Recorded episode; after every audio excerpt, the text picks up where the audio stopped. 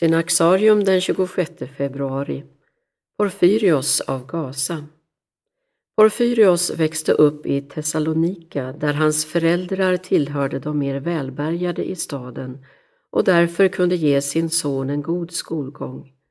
Redan i tonåren attraherades dock Porfyrios starkt av det monastiska livet och begav sig till den egyptiska öknen där han blev lärjunge till Makarios den store. I Egypten träffade han också kyrkofadern Hieronymus när denne besökte ökenklostren.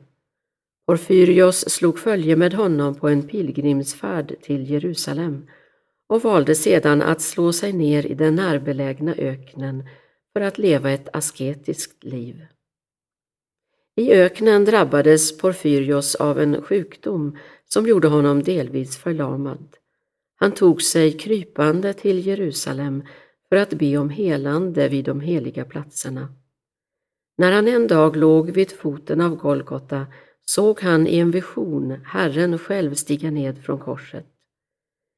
När Porfyrios kom till sig själv märkte han att han hade blivit helad.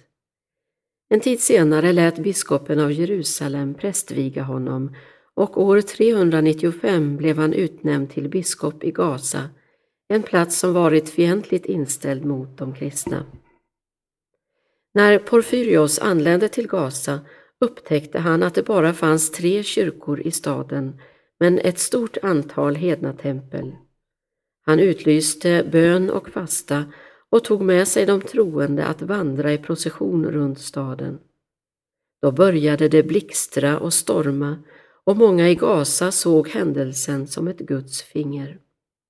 Flera hundra personer kom till tro och blev döpta som en följd av detta.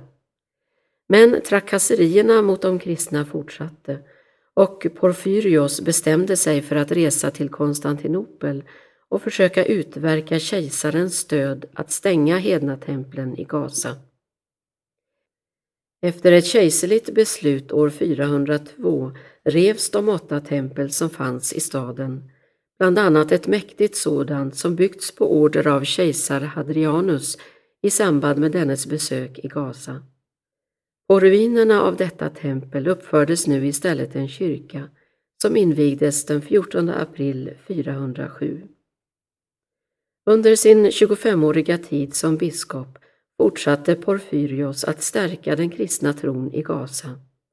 Han dog i hög ålder år 420 och hade då fått se större delen av regionen omvända sig till evangeliet.